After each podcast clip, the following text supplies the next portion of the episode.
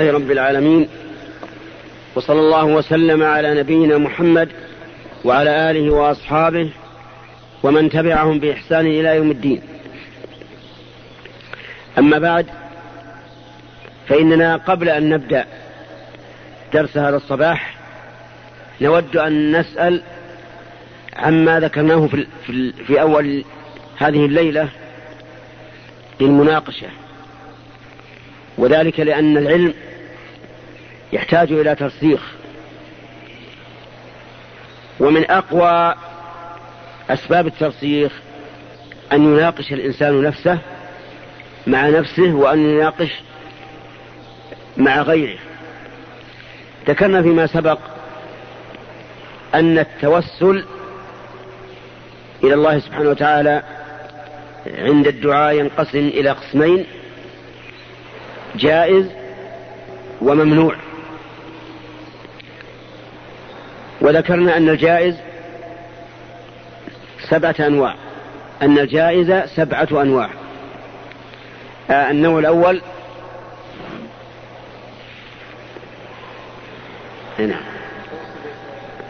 التوسل إلى الله بأسمائه. مثل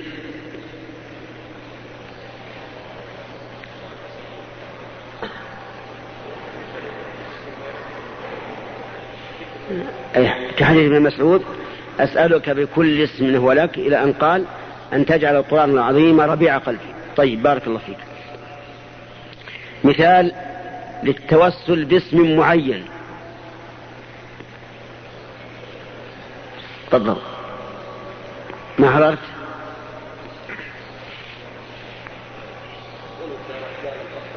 أحسنت. أسألك يا رحمن أن ترحمني.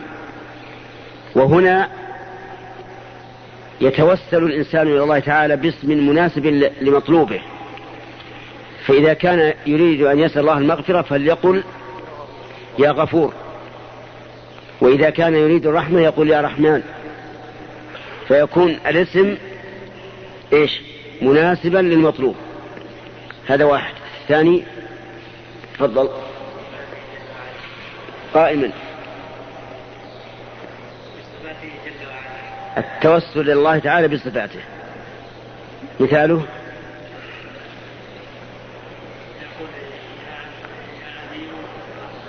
هذا اسم. يا عليم يا رحمن هذا اسم. يا عالم أيضا وصف. نريد التوسل بالصفة نفسها. تفضل.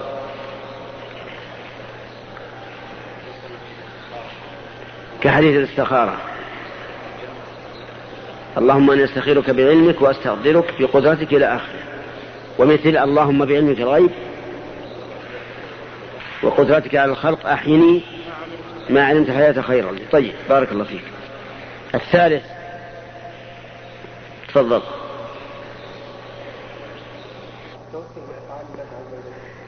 التوسل الله بأفعاله. دليله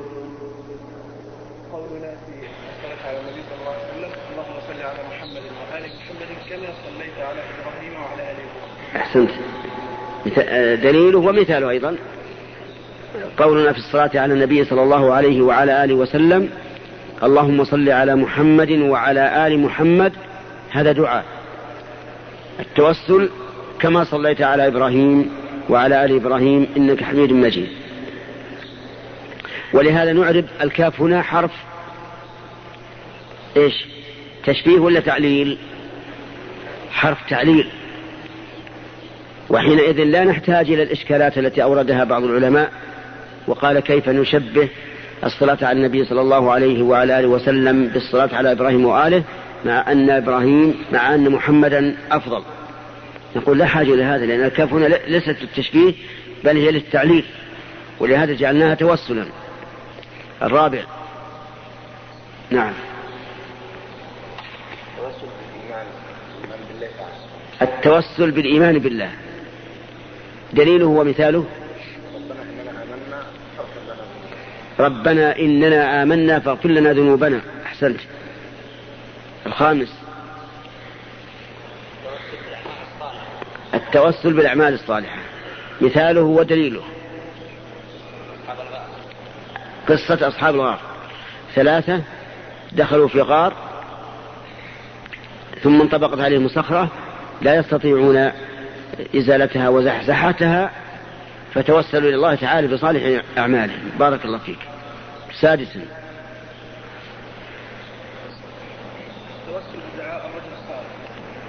التوسل بدعاء الرجل الصالح يعني أن تدعوه أو أن تطلب منه الدعاء. أن تطلب منه الدعاء. مثاله ودليله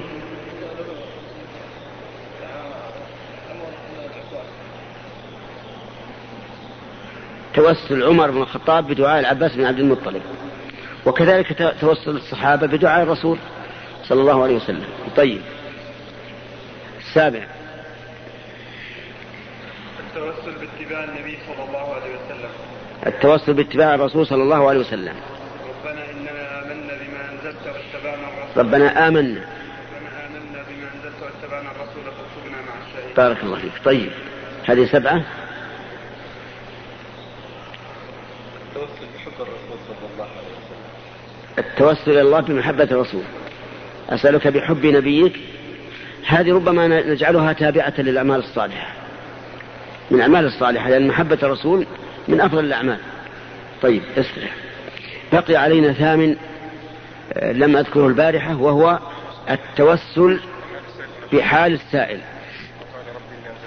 التوسل بحال السائل يعني بمعنى أن يذكر الإنسان حاله يتوسل بها ويستعطف بها ربه عز وجل. كقول موسى رب إني لما أنزلت إلي من خير فقير. رب إني لما أنزلت إلي من خير فقير. وقد جمع هذا مع أنواع أخرى فيما علمه الرسول صلى الله عليه وعلى آله وسلم أبا بكر رضي الله عنه حين قال يا رسول الله علمني دعاء أدعو به في صلاتي. قال قل اللهم إني ظلمت نفسي ظلما كثيرا. ولا يغفر الذنوب إلا أنت. فاغفر لي مغفرة من عندك وارحمني إنك أنت الغفور الرحيم. هذا فيه التوسل بحال السائل والتوسل بصفة من صفات الله والتوسل بأسماء الله. فأين أين هي حال السائل؟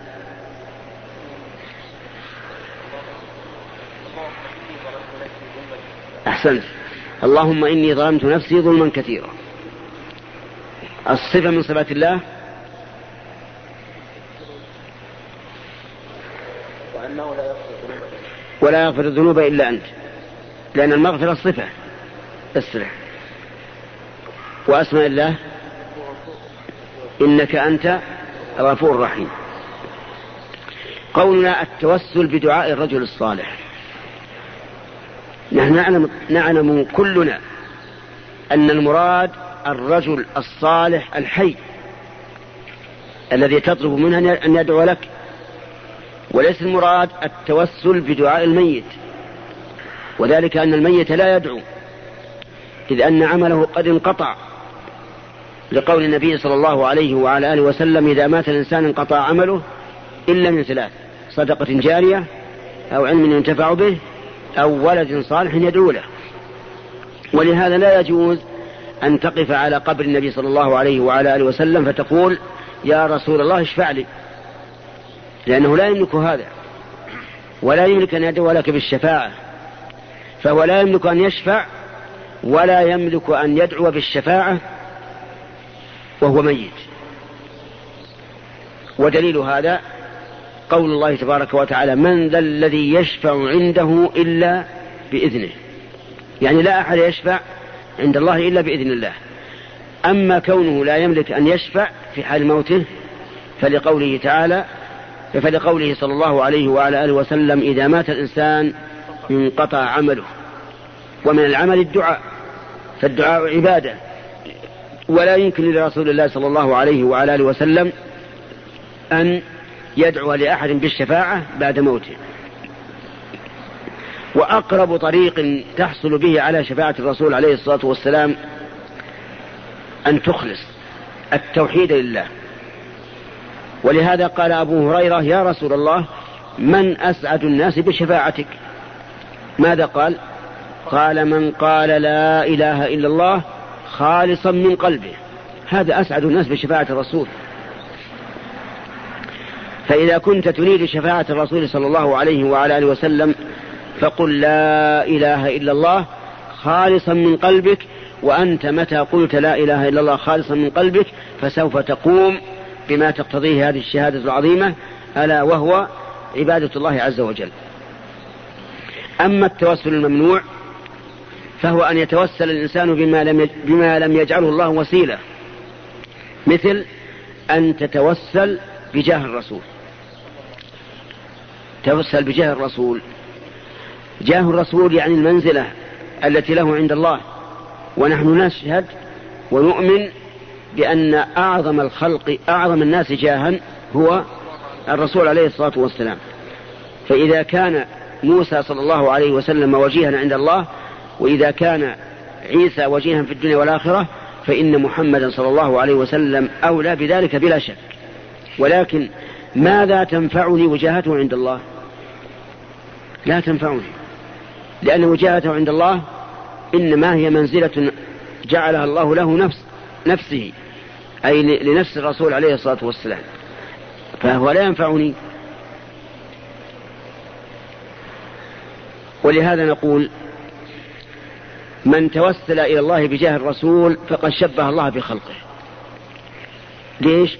لأنه لا يتوسل بالجاه إلا في المخلوقين. أنا مثلا أجد هذا الرجل له منزلة عند شخص من الناس وأقول أقول أتوسل إليك بجاه فلان أو أسألك بجاه فلان. للرجل أما عند الله عز وجل فلا. لا تنفع الوجاهة إلا من جعلها الله له أما بالنسبة لغيره فلا تنفعه. ولهذا قال النبي صلى الله عليه وسلم وهو ينادي الأقربين من أقاربه يا فاطمة بنت محمد لا أغني عنك من الله شيئا. وفاطمة بضعة منه ومع ذلك لا يغني عنها من الله شيئا. ولو كان الرسول وجيها عند الله عز وجل فإنه لا يغني شيئا عند الله.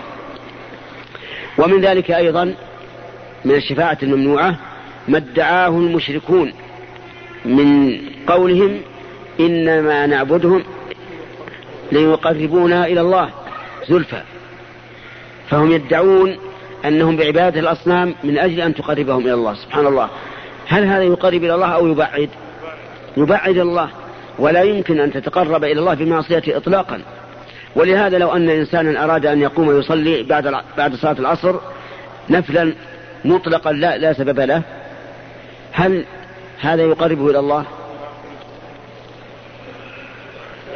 ليش؟ إيه لأنه محرم. مع أنها صلاة عبادة يقوم الإنسان فيها لله عز وجل. يكبر الله ويتلو كتابه ويركع ويسجد. ومع ذلك نقول هذا الرجل لا تقربه هذه الصلاة إلى الله لأنها لأنها معصية. فلا يمكن أن يتقرب الإنسان إلى الله بمعصية إطلاقا. فهؤلاء المشركون الذين يقولون إنما نعبدهم ليقربونا إلى الله زلفى. نقول هؤلاء ضالون. لأن عبادة الأصنام لا تقرب إلى الله بل تبعد من الله عز وجل. أما موضوع لقائنا هذا اليوم فإننا نتكلم بما تيسر على ما سمعناه من قراءة إمامنا سورة الرحمن. هذه السورة عظيمة من أعظم السور. ففيها ابتدأ ابتدأ الله تعالى بهذا الاسم الكريم. الرحمن وهو مبتدأ وجملة علم القرآن خبر المبتدأ. فما الرحمن؟ الرحمن اسم من أسماء الله من أشرف أسمائه وأعظمها والعجب أن المشركين ينكرونه. يقولون ما الرحمن؟ ولا ندري ما الرحمن. حتى عند كتابة الصلح بينه وبين الرسول صلى الله عليه وسلم في الحديبية لما قال اكتب بسم الله الرحمن الرحيم قاله النبي عليه الصلاة والسلام. قال ما نعرف الرحمن ولكن اكتب باسمك اللهم فقال النبي صلى الله عليه وسلم اكتب بسم الله اكتب باسمك اللهم انتبه. ثم قال هذا ما قضى عليه محمد رسول الله وذكر بقية الحديث. قال ما نقبل. لو نعلم أنك رسول الله ما قتلناك ولكن اكتب محمد ابن عبد الله. فقال الرسول اكتب محمد بن عبد الله. ثم ذكر الشروط. انظر يا أخي كيف كان النبي صلى الله عليه وسلم يراعي المصلحة في أمر عظيم. في عدم كتابة اسم من أسماء الله. وفي عدم كتابة رسالته. مع أنه حق ولهذا قالوا إني والله لرسول الله وإن كذبتموني. تنازل عن اسم من أسماء الله وعن رسالة وعن الإقرار برسالة الرسول عليه الصلاة والسلام كله من أجل إيش؟ من أجل المصلحة. ولهذا لما بلغ النبي صلى الله عليه وسلم الحديبية بركت الناقة. بركت الناقة. فزجرها فلم تقم. فقال الناس خلأت القصوى يعني حرنت ولم تقدم. فقال النبي صلى الله عليه وسلم والله ما خلأت القصوى وما ذاك لها بخلق. دافع حتى عن البهائم. الظلم لا أحد يرضاه تظلم الناقة ويقال خلأت وهي ليس من عادتها ولكن يقول الرسول عليه الصلاة والسلام ولكن حبسها حابس الفيل والذي نفسي بيده لا يسألوني خطة يعظمون فيها شعائر الله إلا أجبتهم عليها. وفعلا هذا اللي حصل أجابهم على هذا هذا الأمر العظيم محو اسم الرحمن من البسملة والثاني محو وصفه بالرسالة عليه الصلاة والسلام كل هذا لتعظيم حرمات الله. وتعرفون أيضا أنه ذكر شروط شروط صعبة على المسلمين ومع ذلك قبلها. من أعظم الشروط أن يرجع ولا ولا يتمم العمرة. وأن يأتي من العام القادم وأن لا يبقى إلا ثلاثة أيام وأن من جاء منهم مسلما رددناه إليهم. ومن, جاء ومن ذهب منا إليهم لا يردونه. ما تقول بهذا الشرط ظاهره إيش؟ الحيف والجور. كيف نقول من جاء منكم مسلما رددناه إليكم ومن جاءكم منا لا تردونه؟ ولهذا حاول عمر بن الخطاب رضي الله عنه إلغاء هذا الشرط وناقش الرسول عليه الصلاة والسلام وقال يا رسول الله ألسنا على الحق وعدونا على الباطل؟ قال بلى. قال فلم نعطي الدنية في ديننا؟ قال إني رسول الله ولن أعصيه وهو ناصري. فدل هذا على أن الشروط هذه كانت بإقرار من الله عز وجل. ثم ذهب عمر إلى أبي بكر لأن أبا بكر أخص الناس برسول الله صلى الله عليه وسلم. وهو الذي اتخذه خليلا ولم يتخذ نعم وهو الذي قال عنه لو كنت متخذا من أمتي خليلا لاتخذت أبا بكر. ذهب إلى أبي بكر يناقش أبا بكر. فكان جواب أبي بكر رضي الله عنه كجواب النبي صلى الله عليه وعلى آله وسلم سواء بسواء. فكتبت الشروط. وقال النبي صلى الله عليه وسلم مدافعا عن هذا الشرط الثقيل أما من جاء منهم مسلما فرددناه إليهم فسيجعل الله له فرجا ومخرجا. وأما من ذهب منا إليهم فلا رده الله. لأن من ذهب من المسلمين إلى الكفار يعني أنه اختار إيش؟ اختار الكفر على الإيمان. لكن من جاء منهم مسلما ثم رددناه فإنه سيجعل الله له فرجا ومخرجا. ووقع الأمر كذلك. ما الذي حصل بعد هذا؟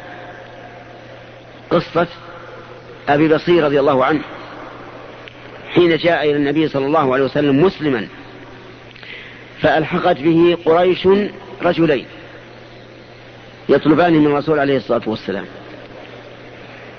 فلما وصل المدينة وإذا برجلين يلحقان فطلب من الرسول عليه الصلاة والسلام أن يرده إليهما وقال للرسول الشرط الشرط يا رسول الله. أو قال الشرط يا محمد رده إليهم. لما رده إليهم ورجع به إلى مكة في أثناء الطريق جلسوا يطعمون فأخذ سيف واحد منهم وجعل يمدح السيف. بعد أن سله جعل يمدحه. ثم ضرب به رقبة صاحبه. ولما فعل هرب. هرب صاحبه الذي لم يقتل إلى الرسول عليه الصلاة والسلام. فذهب أبو بكر بأثره حتى بلغ الرسول عليه الصلاة والسلام وقال يا رسول الله إن الله تعالى قد أبرأ ذمتك. إنك أعطيتني إياه ولكن الله أنقذني أو كلمة نحوها. فقال الرسول صلى الله عليه وسلم ويل أمه مسعر حرب لو يجد من ينصره. فعرف أبو بصير أن الرسول سيرد مرة ثانية. فخرج من المدينة ونزل في سيف البحر على جادة قريش إذا ذهبوا بعيرهم إلى الشام راجعين إلى مكة. فصار كل ما أتى فصار كلما أتى عير من قريش أخذها. لأن قريش في ذلك الوقت كانوا حربيين بالنسبة لهذا الرجل. وإن كان بينهم وبين رسول العهد لكن هذا الرجل رد إليهم. فسمع به أناس من الصحابة في مكة فخرجوا إليه. واجتمعوا. حتى كانوا عصابة. في النهاية رضخت قريش وقالت يا محمد كف عنا هؤلاء. وردهم. فرجعوا إلى المدينة. فالمهم على كل أننا نقول إن الرسول عليه الصلاة والسلام كان لا يمكن أن يدع شيئا تعظم فيه حرمات الله إلا فعله. وأن أسعد الناس بشفاعته من؟ من قال لا إله إلا الله خالصا من قلبه. فنسأل الله سبحانه وتعالى أن يدخلنا في شفاعته وأن يسقينا من حوضه وأن يجمعنا به في جنات النعيم. يقول الله عز وجل الرحمن والرحمن اسم من أسماء الله. وكل اسم من أسماء الله فإنه يتضمن صفة من صفات الله. كل اسم من أسماء الله يتضمن صفة من صفات الله. وليس في أسماء الله ما لا يدل على صفة إطلاقا. لكن أسماء المخلوقين هل تدل على الصفات؟ لا. قد يقال هذا عبد الله وهو من أكثر عباد الله. ليس فيه شيء من صفة العبودية.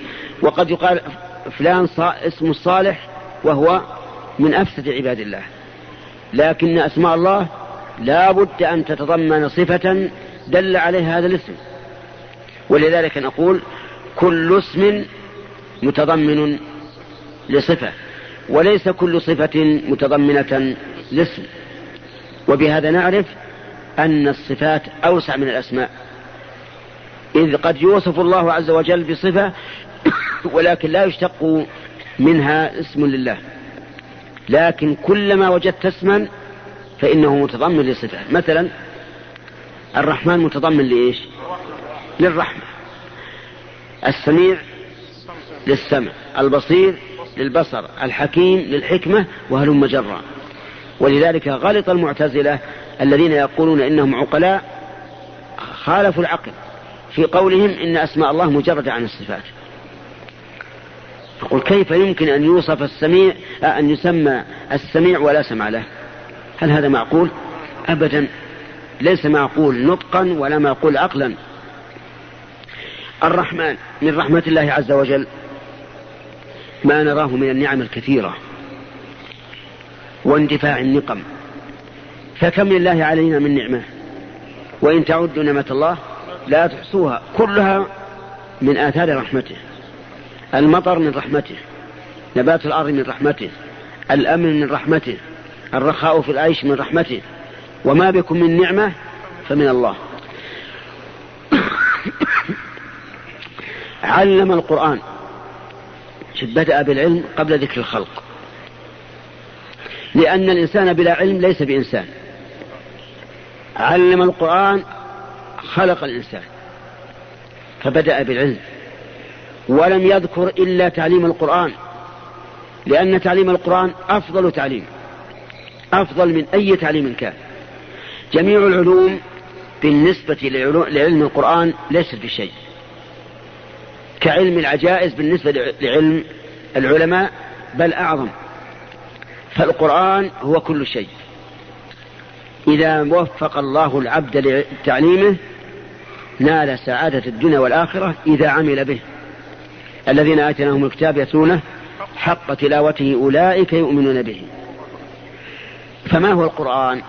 القرآن هو الذي نزل على محمد صلى الله عليه وسلم كما قال الله تعالى وإنه لتنزيل رب العالمين نزل به الروح الأمين على قلبك لتكون من المنذرين بلسان عربي مبين أي بلغة عربية بينة واضحة فصيحة. آه، يبتدئ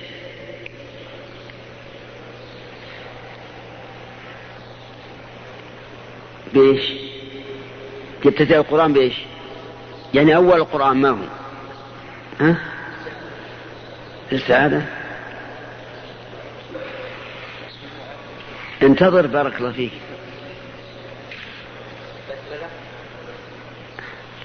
ليش ما نقول يبتدئ بالفاتحة وينتهي بسورة الناس؟ اصبر. هذا هو القرآن الذي نزل على محمد صلى الله عليه وعلى آله وسلم. والذي قال الله عنه إنا نحن نزلنا الذكر وإنا له لحافظون. ولهذا لا زيادة فيه ولا نقص. هذا القرآن الذي نزل على محمد صلى الله عليه وعلى آله وسلم تلقاه الأصاغر عن الأكابر وسيبقى بإذن الله على هذا إلى أن يأذن الله بخراب العالم. فإذا أذن الله بخراب العالم فإنه ينزع من المصاحف وينزع من الصدور. إذا أعرض الناس عنه إعراضا كليا حينئذ لا يبقى ليس من الحكمة أن يبقى بين قوم لا يقدرونه قدره فينزع. إذا نقول القرآن هو أشرف علم يتعلمه الإنسان ولهذا لم يذكر له سواه لأنه أشرف العلوم. وفي البارحة حثثتكم حثا حثيثا على تعلم القرآن. حفظا ويعني تلاوة ومعنى وعملا. وذكرت لكم أن هذا هو عمل الصحابة. كانوا لا يتجاوزون عشر آيات حتى يتعلموها وما فيها من العلم والعمل. خلق الإنسان. الإنسان هنا مفرد لكن المراد به العموم لأنه اسم جنس. والإنسان هو البشر وأول ما خلق الله البشر أو أول من خلقه الله من البشر هو آدم عليه الصلاة والسلام. ولم يذكر خلق غيره لأن أشرف المخلوقات جنسا هم البشر من حيث الجنس لا من حيث الأفراد لأن بعض البشر أخص من الأنعام. قال الله تعالى إنهم إلا كالأنعام بل هم أضل سبيلا. لكن البشر من حيث الجنس هو أفضل أجناس المخلوقات. علمه البيان يعني علم الإنسان البيان. ما معنى البيان؟ البيان التعبير عما في نفسه. ولهذا نجد أن الإنسان هو الذي يعبر عما في نفسه بعبارة واضحة بينة. فإن قال قائل هل البيان مختص باللغة العربية بمعنى أن من ليس ينطق العربية فليس عنده بيان؟ الجواب لا. بيان كل قوم بلغتهم وعلى حسب ما يفهمونه. قال الله تبارك وتعالى وما أرسلنا من رسول إلا إيش؟ بلسان قومه ليبين لهم. فالبيان في اللغة العربية أو, أو البيان عند العرب هو النطق باللغة العربية الفصحى. البيان عند غير العرب على حسب لغتهم. ولذلك نجد أن من الناس من يقوم خطيبا في في الناس ثم يسحرهم بخطبته. يتحولون من الرأي الذي كانوا عليه والذي أراد هذا الخطيب أن يمحوه أن يمحوه من نفوسهم يتحولون إليه بسبب البيان. وفي الحديث إن من البيان لسحرا وإن من الشعر لحكمة.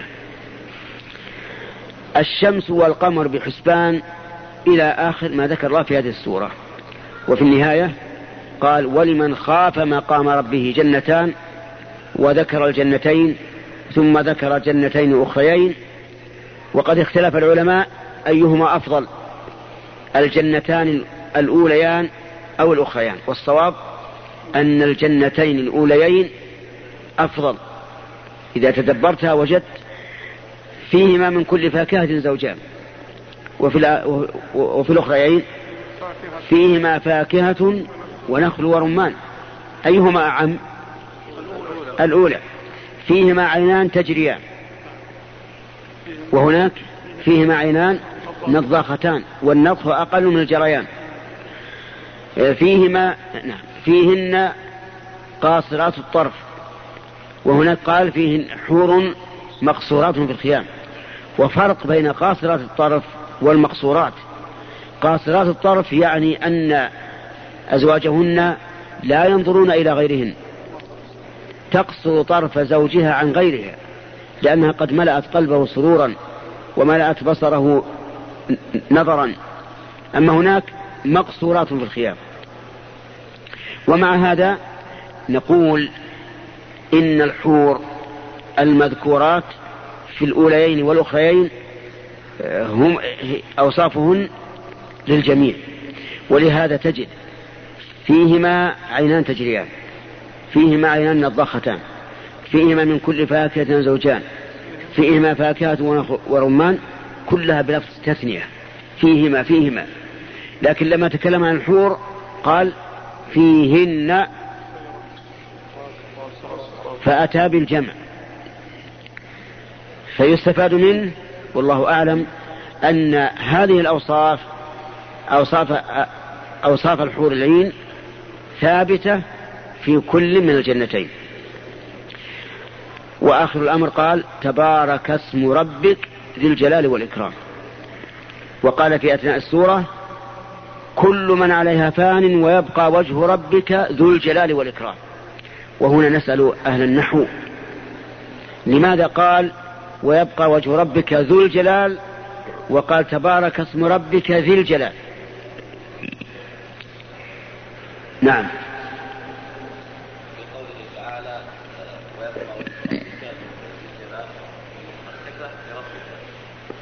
كيف؟ في قوله كيف الصفة لربك وهي ذو؟ ويبقى وجه ربك ذو الجلال. نعم. الصفة لوجه ووجه مرفوع على أنه فاعل. طيب. وتبارك اسم ربك ذي الجلال. الصفة لرب وهو بالإضافة. مجرور بالإضافة فكانت الصفة ذي ولم تكن ذو أسرع لماذا؟ لأن الموصوف بالجلال والإكرام هو اسم هو وجه الله عز وجل. أما اسمه فهو اسم ليس ذا الجلال ولا, ولا ذا الإكرام. الإكرام ذو الجلال والإكرام هو الرب ووجه الرب. وفي الآية ويبقى وجه ربك إثبات صفة من صفات الله وهي الأخ. قم الوجه لله عز وجل. هل في آية أخرى تثبت وجه لله؟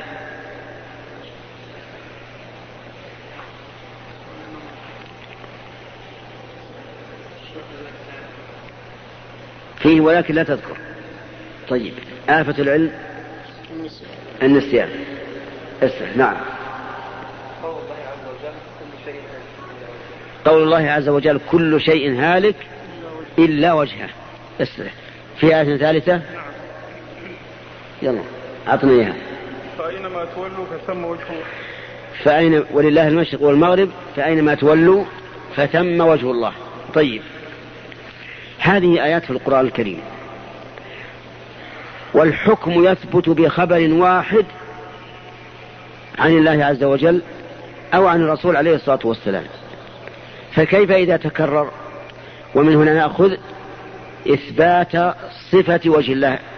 إثبات الوجه صفة لله عز وجل. وهذا الوجه هل يمكن أن يكون مماثلا لأوجه المخلوقين؟ لا. لقول الله تعالى ليس كمثله شيء وهو السميع البصير ولأنه باتفاق العقلاء إذا اشترك اثنان في اسم فإنه لا يلزم تماثل المسمى. يعني الاشتراك في الأسماء لا يلزم منه تماثل المسميات. كلام معلوم ولا غير معلوم؟ الاشتراك في الأسماء لا يلزم منه تماثل المسميات. لأن نعلم نعلم أن للفرس وجها.